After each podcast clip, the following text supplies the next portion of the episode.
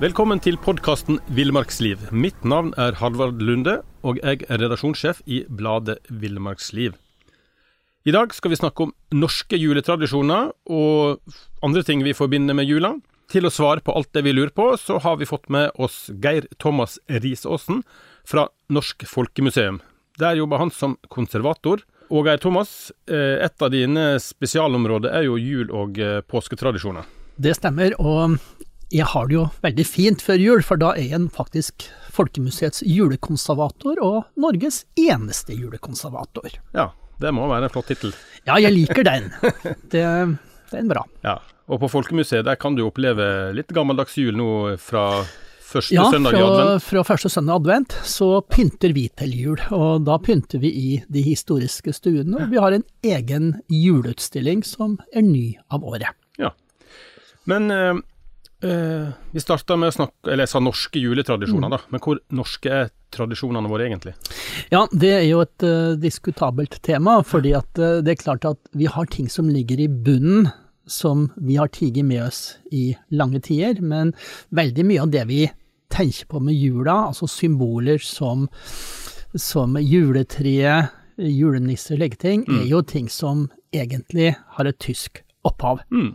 Så vi har importert veldig mye, og jula er jo en dag en miks av egen tradisjon og importerte tradisjoner. Ja, så hvis vi hadde tatt, eh, eller gått 200 år tilbake i tid, da, eksempel 1822, mm. og så plukka med oss en eh, person fra den tida, og satte han inn i en eh, 2022-jul, hva, hva hadde Den vil nok, han oppleve, vil nok oppleve dagens jul som veldig fremmedartet. Eh, Det som hadde vært likt, det er jo særlig julekvelden og første juledag som høytidsdager, der huset er vasket, det er ryddet, det er på en måte pyntet.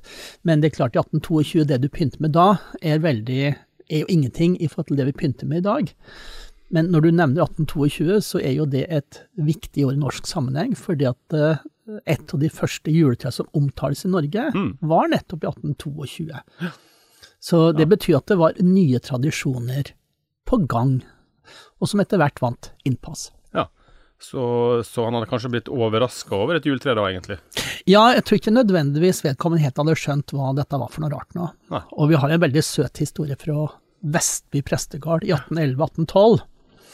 Hvor eh, barna til presten skulle eh, ha Altså morfar skulle komme på besøk fra Danmark, og de unga tar da og finner ut at de skulle pynte et juletre, for det hadde, Ja. de hørt om i København. Og morfar ble fly forbannet, for han trodde at man hadde stelt i stand til hans begravelse, for han forbandt jo gran inne med begravelse. Ja. Så treet er ganske nytt, egentlig, da. Ja, det er det, og du skal jo helt fram Det er jo ikke før rundt 1930 at du kan si at det har inntatt alle norske hjem, Ja. fattige og rike. Nå får du bladet Villmarksliv rett hjem i postkassa i tre måneder for kun 99 kroner.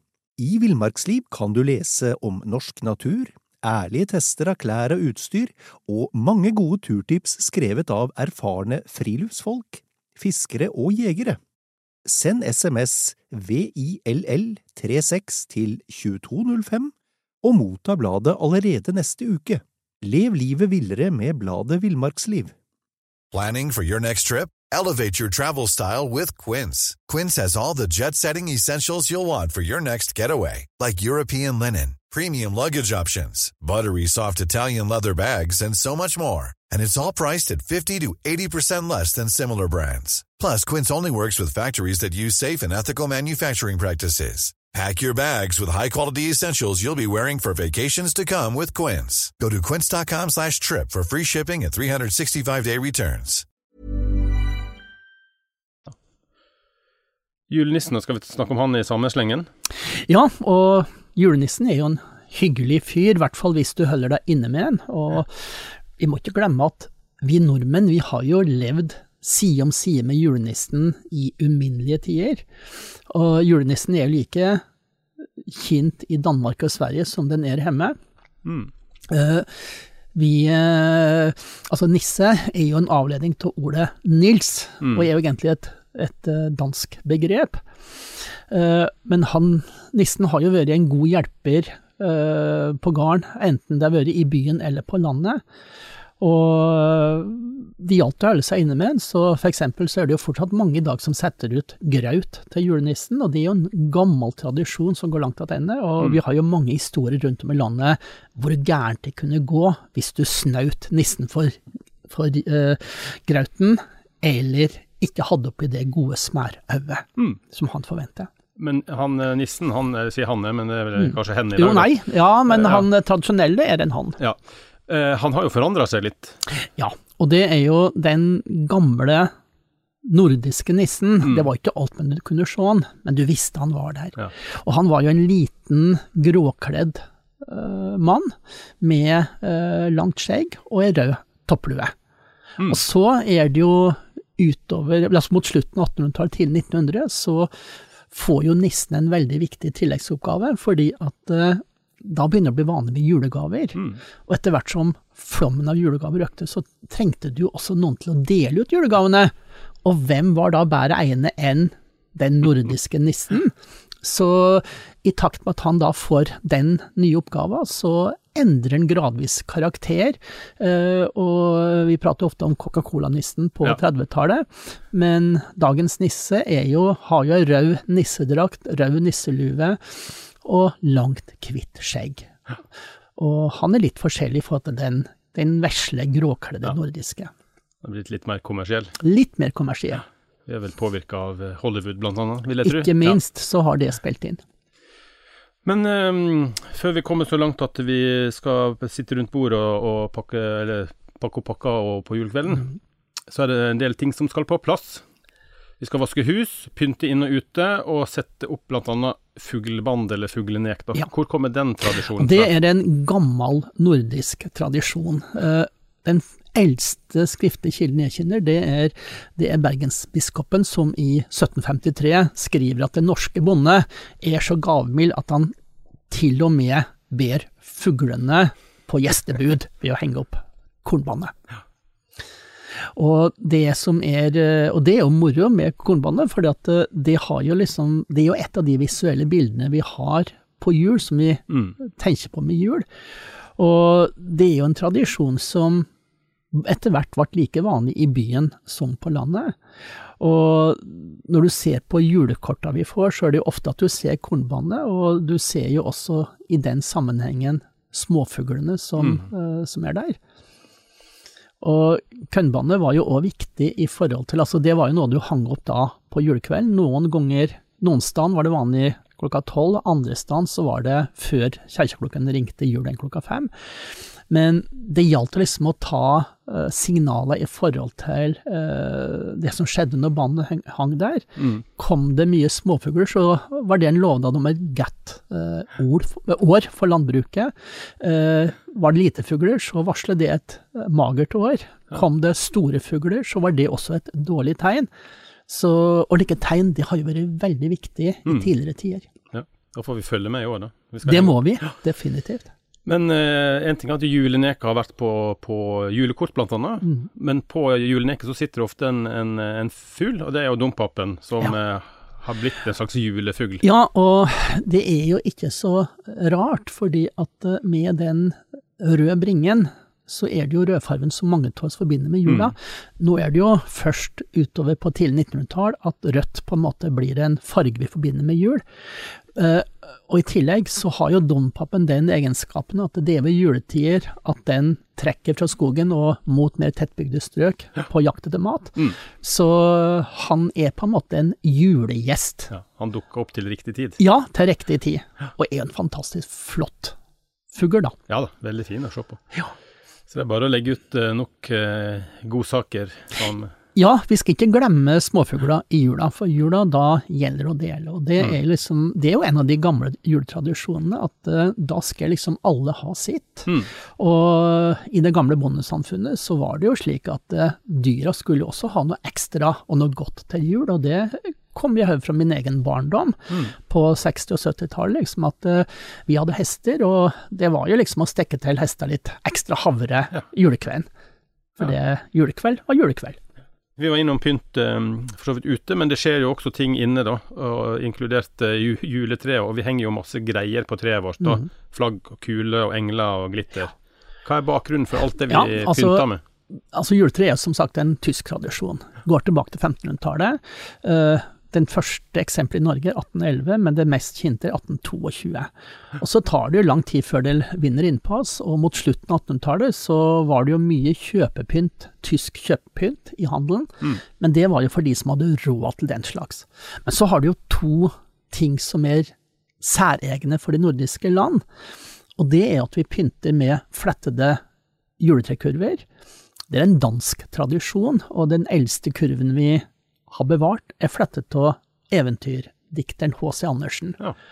Og, og det, er, det som er moro med kurven, er jo også at dette er en ferdighet som skoleverket tar opp allerede på slutten av 1800-tallet, og de fleste av oss har jo vært med å flette kurver i barneskolen, og grunnen til at skoleverket tok det opp, at det var jo også en fin måte å trene elevene i fingerferdighet og tålmodighet. Ja. Så det var, en, det var en pedagogisk øvelse uten at vi var klar over det.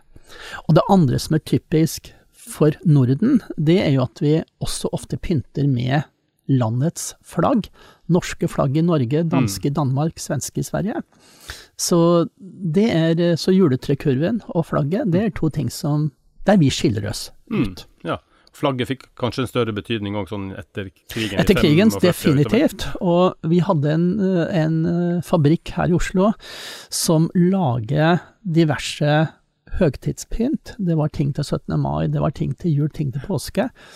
Og da freden kom i, på våren 45, så var allerede de, de flagglenkene produsert der. Det var jo ulovlig å lage, men, men de lå liksom klare i forhold til det som skulle skje. Samme var vel den nisselua, den røde lua var jo Ja. også et sånt symbol. Det var det, og nisselua er jo spennende, fordi at sant, da tenker vi nissen automatisk, Ja. og vi er i våre nordiske land. Og tyskere, og under krigen så ble det jo slik at man øh, brukte jo det som en stilletiende protest Mm. mot den tyske okkupasjonen, så tyskere innførte jo forbud allerede i 1942 mot å bære rød nisseluer. Uh, og det forbudet det rammer jo også julekort med avbilding av nisse med rød toppluver. Ja. Uh, og det gjorde at du fikk veldig mange julekort med nisser med, med nisseluer i andre farver. Men det var liksom på en måte å vise at Det var en protest, det eh, det var en protest. Artig. Så det var politisk kraft. Men du, når vi først eh, vi var inne på treet egentlig, da her Um, Når er det lov å pynte treet før jul? Der er det, der vil jeg nok si at hver familie har sin tradisjon. Uh, Jeg er såpass gammel at uh, jeg har vokst opp med at vi pynter treet på ettermiddagen 23. desember, altså lille julaften, eller julaften formiddag. Så det er liksom min tradisjon, og jeg har vokst opp med at treet, det står romjula ut. Hos noen varer romjula til 13. dagen, 6. januar, hos andre varer det til 20. dagen, Mm. 13. januar, og jeg tilhører 20-dagsfolket. Mm. Men så har det jo det som har skjedd på slutten av 1990-tallet og utover 2000-tallet, at stadig flere begynner jo å pynte til jul allerede i slutten av november, Mm. og er ferdig med jula når den i realiteten begynner. Og det er jo den moderne amerikanske tradisjonen. Men øh, jeg tror ikke vi skal stå til doms over hva som er riktig, men bare konstatere at det er to tradisjoner som gjelder. Det er den Mm. gamle nordiske som vi har hatt i noen hundre år, og så er det den moderne amerikanske som kommer inn på slutten av forrige århundre. Mm. På slutten av 1900-tallet.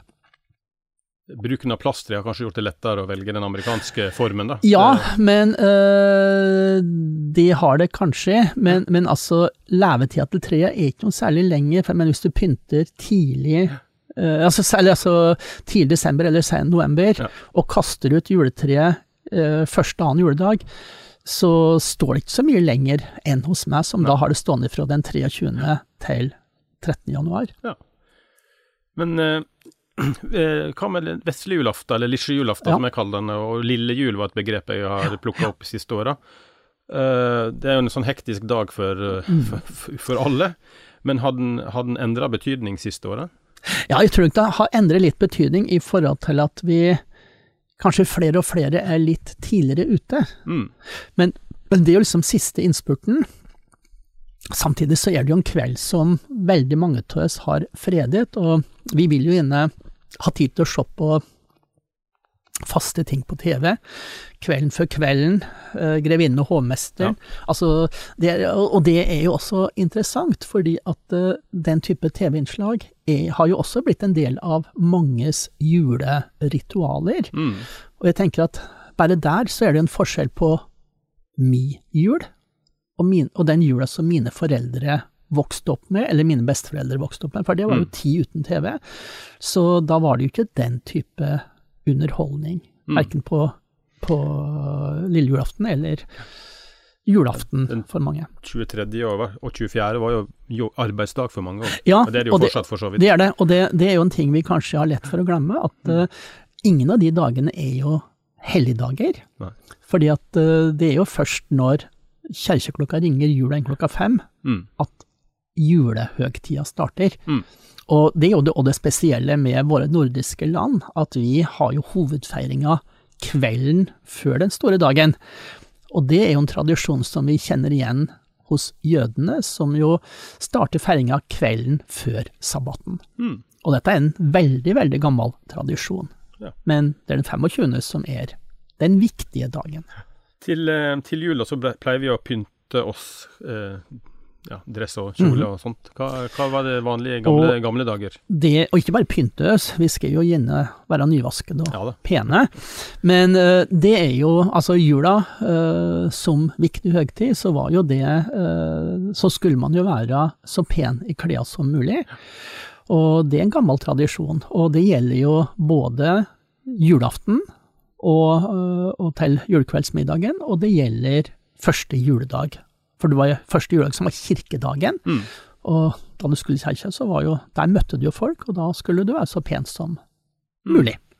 Nå er det jo jule, eller den 24. som har blitt eh, kirkedagen for mange. Ja, Og det har nok noe med at eh, det er en måte liksom å skaffe seg den ekstra julestemningen. Og julestemningen er jo like en rar ting, for det er jo liksom summen av alle de små elementene som skal, som skal til. Ja.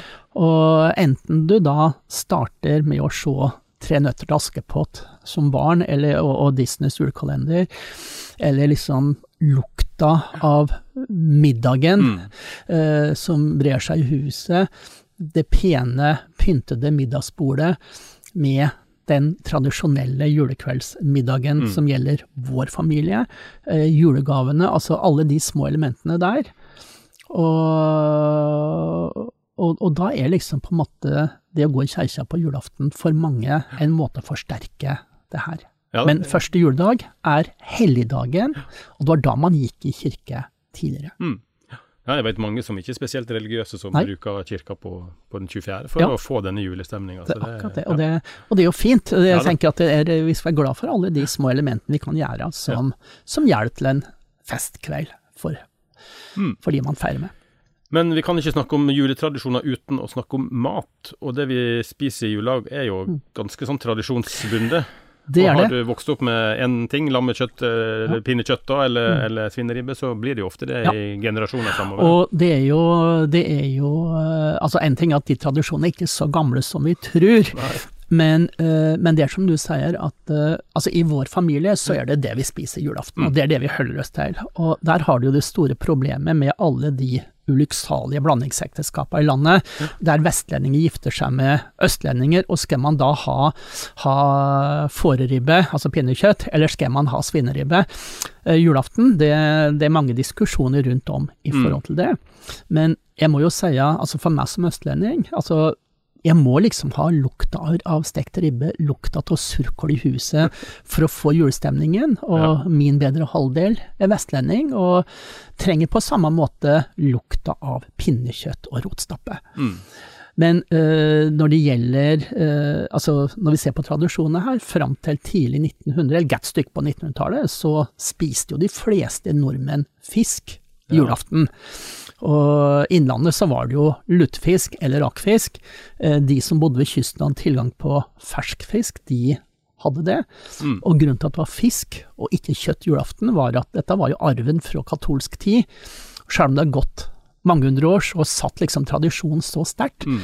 Og julaften var siste dagen i fasten, og fisk, fisk er fastemat. Jaha. Og så kom kjøttet på bordet første juledag. Ja. Men så ser vi jo da utover på fra uh, tidlig 1900, så begynner jo uh, flere og flere begynner å holde gris.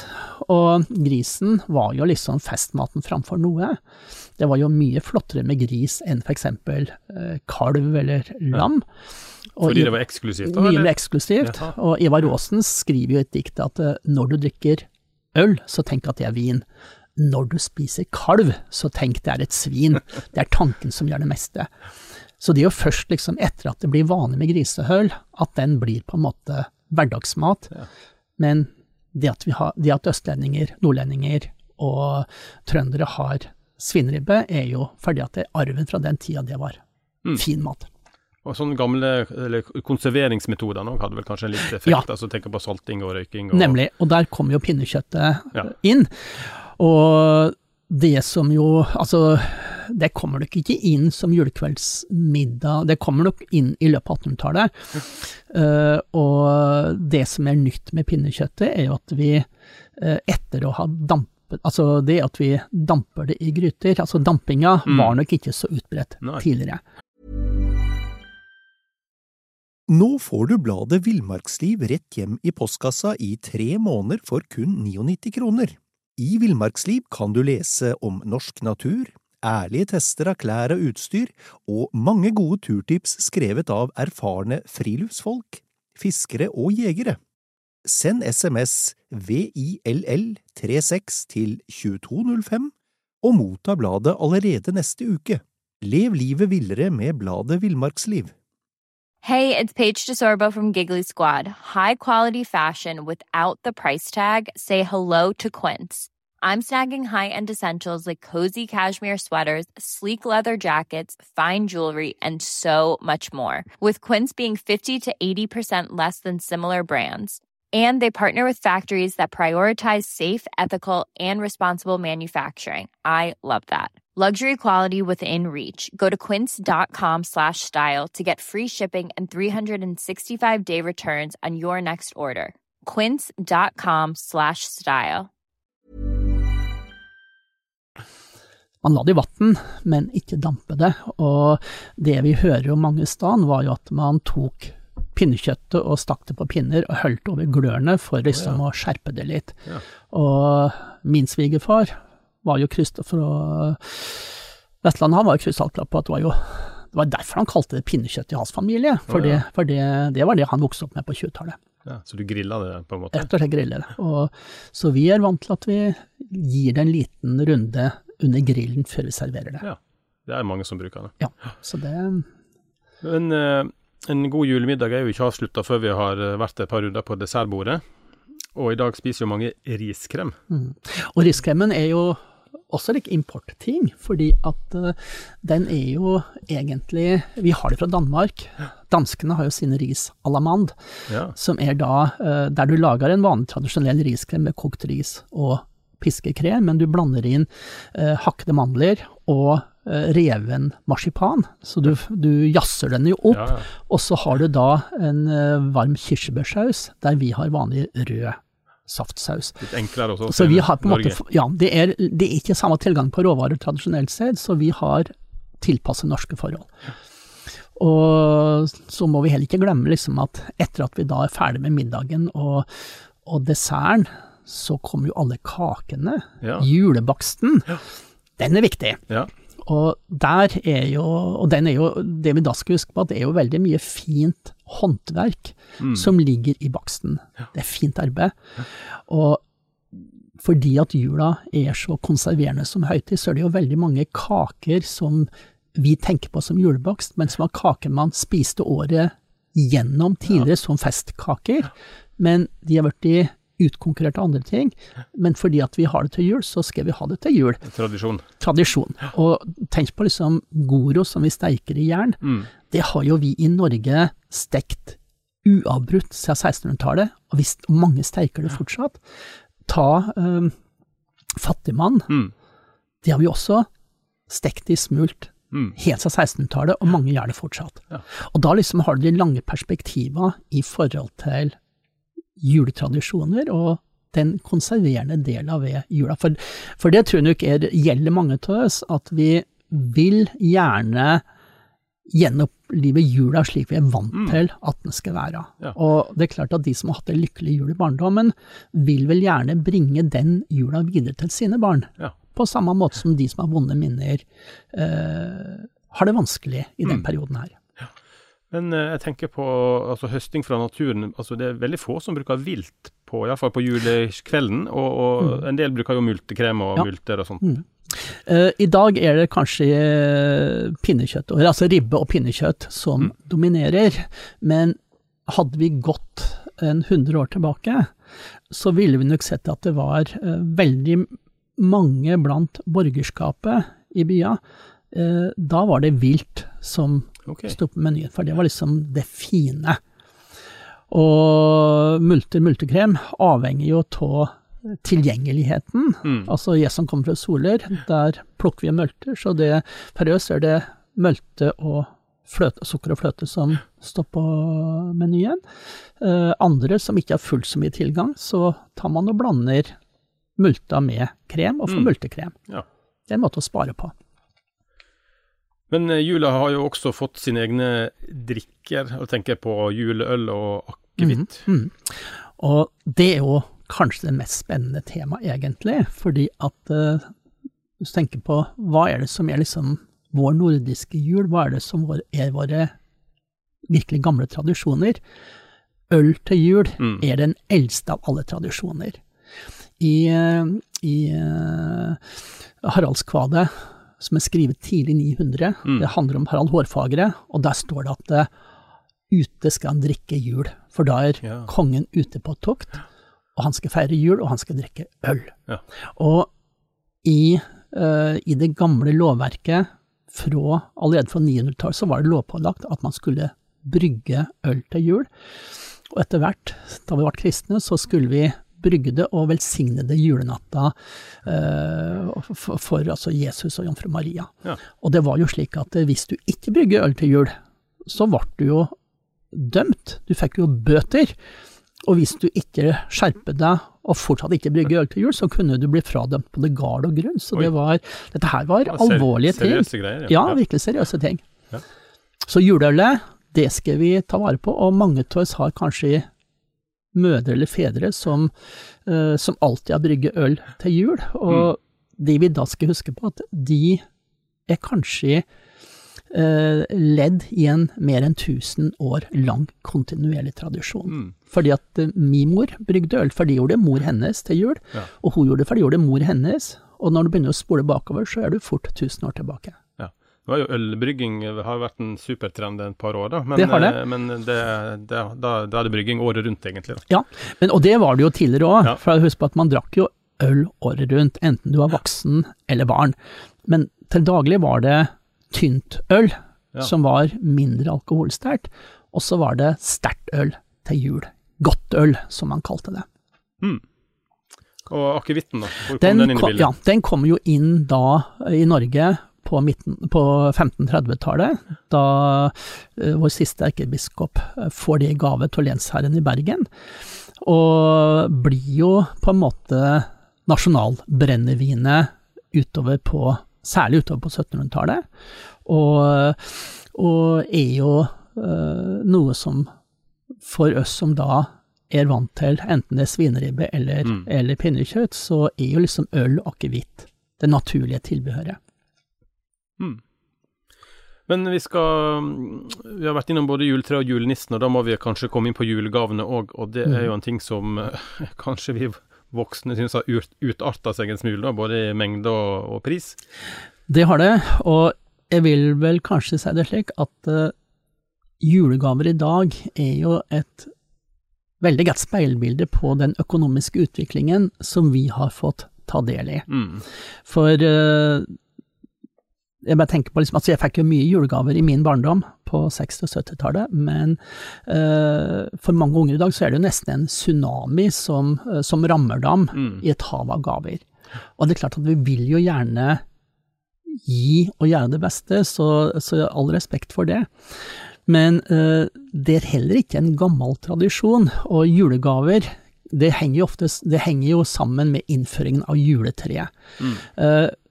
Eldste vi vet om, eller hører om i Norge når det gjelder gaver på den måten der, er jo Erik Jarl i, Trond, altså i Trøndelag, Mm. som gir sine menn eh, gave til jul, og den deler han ut den også åttende dag jul, altså Mm. nyttårsdagen.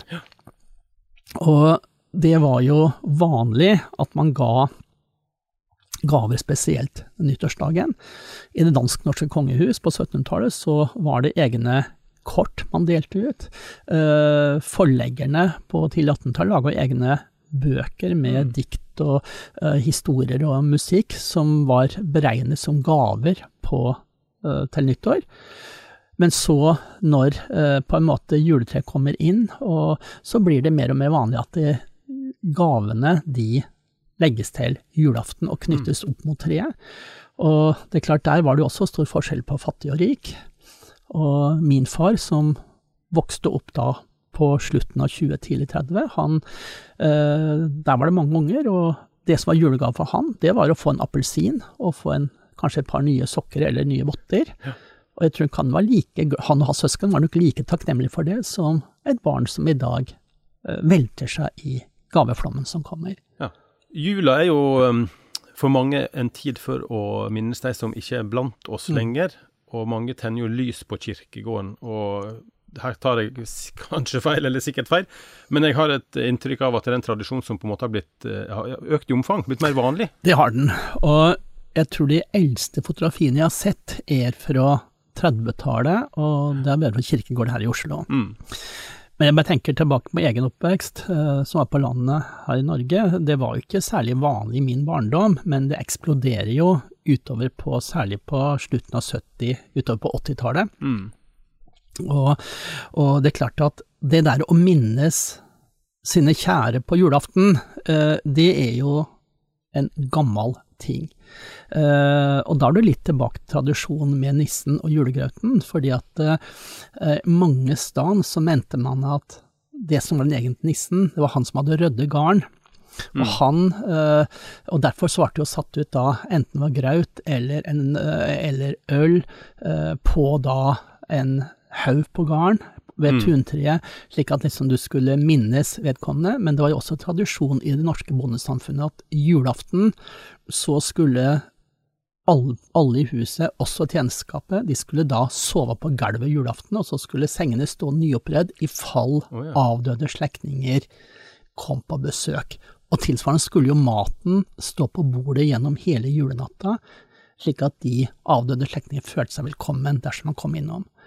Så, så liksom, på en måte er jo det at vi tenner lys på kjerkegården litt i samme gata. Mm. Altså, vi har våre avdøde med oss, og, og vi minnes dem med takknemlighet, og Mm. så det handler litt om det samme. Men vi snakket jo i stad om en, en, en person som kom fra 1822, men hvis, hvis vi Mm. fulgte vedkommende tilbake igjen for over 200 år siden, da, Ja. det, er det ting som har forsvunnet på veien? Ja, det er det. Og øh, viktige ting er jo øh, det religiøse aspektet med jula. Mm. Eh, fordi at det er jo en førkristen tradisjon her til lands, men får jo et kristent innhold i løpet av 900-tallet og 1000-tallet. Og det som Den viktige gudstjenesten var jo første juledag. Mm. Og det var jo den nest viktigste gudstjenesten i løpet av året. Eh, Det er én ting som ikke er Altså, mange går første juledag, kongefamilien går første juledag, men ikke så mange som det var. Uh, Utover på Altså, Norge og Danmark, vi fikk jo konfirmasjon i 1736, og da lærte jo alle barn å lese og skrive for Mm. å kunne konfirmeres. Eh, Så da ble det jo òg etter hvert vanlig i mange hjem at man leser juleevangeliet ved bordet på julaften. Mm. Gjorde man ikke det, så var det vanlig at man brukte kvelden til salmesang. Det er nok heller ikke så vanlig lenger. Nei. Men det som på en måte er stabilt, er jo Det er liksom den nære, gode familiekvelden med eh, rent hus, eh, nykledde og god mat. Mm. Enten det da er fisk som det var tidligere, eller det er da kjøtt som ble en ny tradisjon. Mm. Og så har vi jo dette med i romjula med, med, å gå julebukk. Det er i Ja. ferd med å dø ut. Det er i ferd med å dø ut, for at eh, det er jo noe med den nordiske jula som en tretrinnsrakett. Adventstida med forberedelser, Mm. bygge opp forventningen. Julehøgtida fra klokka slær klokka fem julaften og til og med første juledag, som er liksom den nest helligste dagen i året.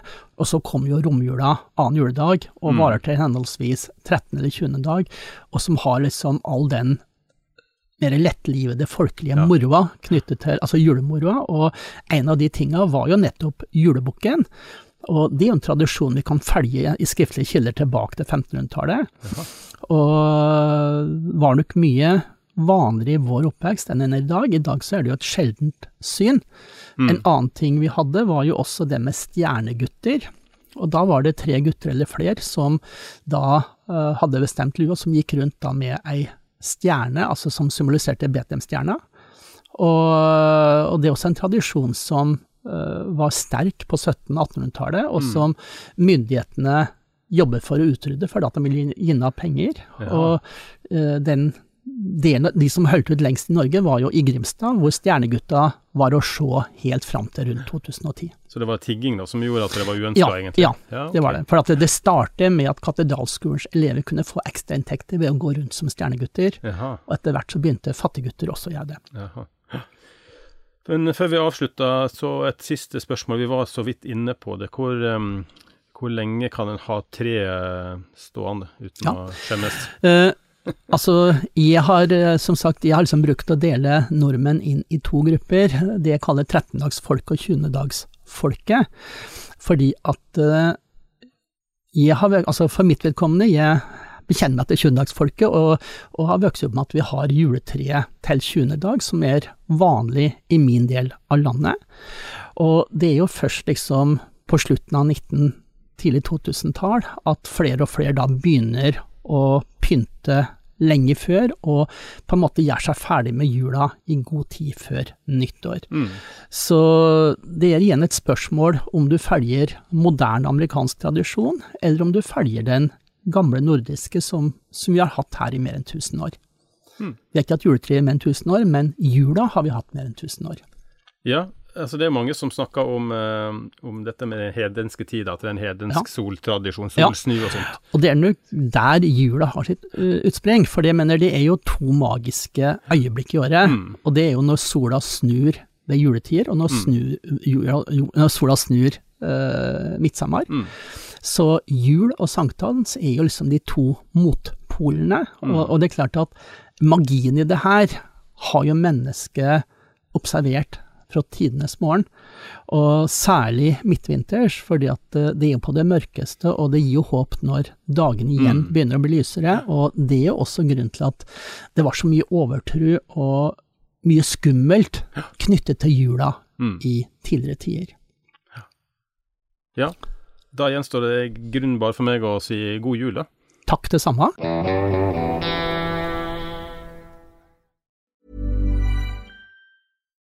Nå får du bladet Villmarksliv rett hjem i postkassa i tre måneder for kun 99 kroner. I Villmarksliv kan du lese om norsk natur, ærlige tester av klær og utstyr, og mange gode turtips skrevet av erfarne friluftsfolk, fiskere og jegere. Send SMS VILL36 til 2205 og motta bladet allerede neste uke. Lev livet villere med bladet Villmarksliv. Mom deserves the best, and there's no better place to shop for Mother's Day than Whole Foods Market. They're your destination for unbeatable savings, from premium gifts to show-stopping flowers and irresistible desserts. Start by saving 33% with Prime on all body care and candles. Then get a 15-stem bunch of tulips for just $9.99 each with Prime. Round out Mom's menu with festive rosé, irresistible berry chantilly cake, and more special treats. Come celebrate Mother's Day at Whole Foods Market. Planning for your next trip? Elevate your travel style with Quince. Quince has all the jet setting essentials you'll want for your next getaway, like European linen, premium luggage options, buttery soft Italian leather bags, and so much more. And is all priced at 50 to 80% less than similar brands. Plus, Quince only works with factories that use safe and ethical manufacturing practices. Pack your bags with high-quality essentials you'll be wearing for vacations to come with Quince. Go to quince.com slash pack for free shipping and 365-day returns.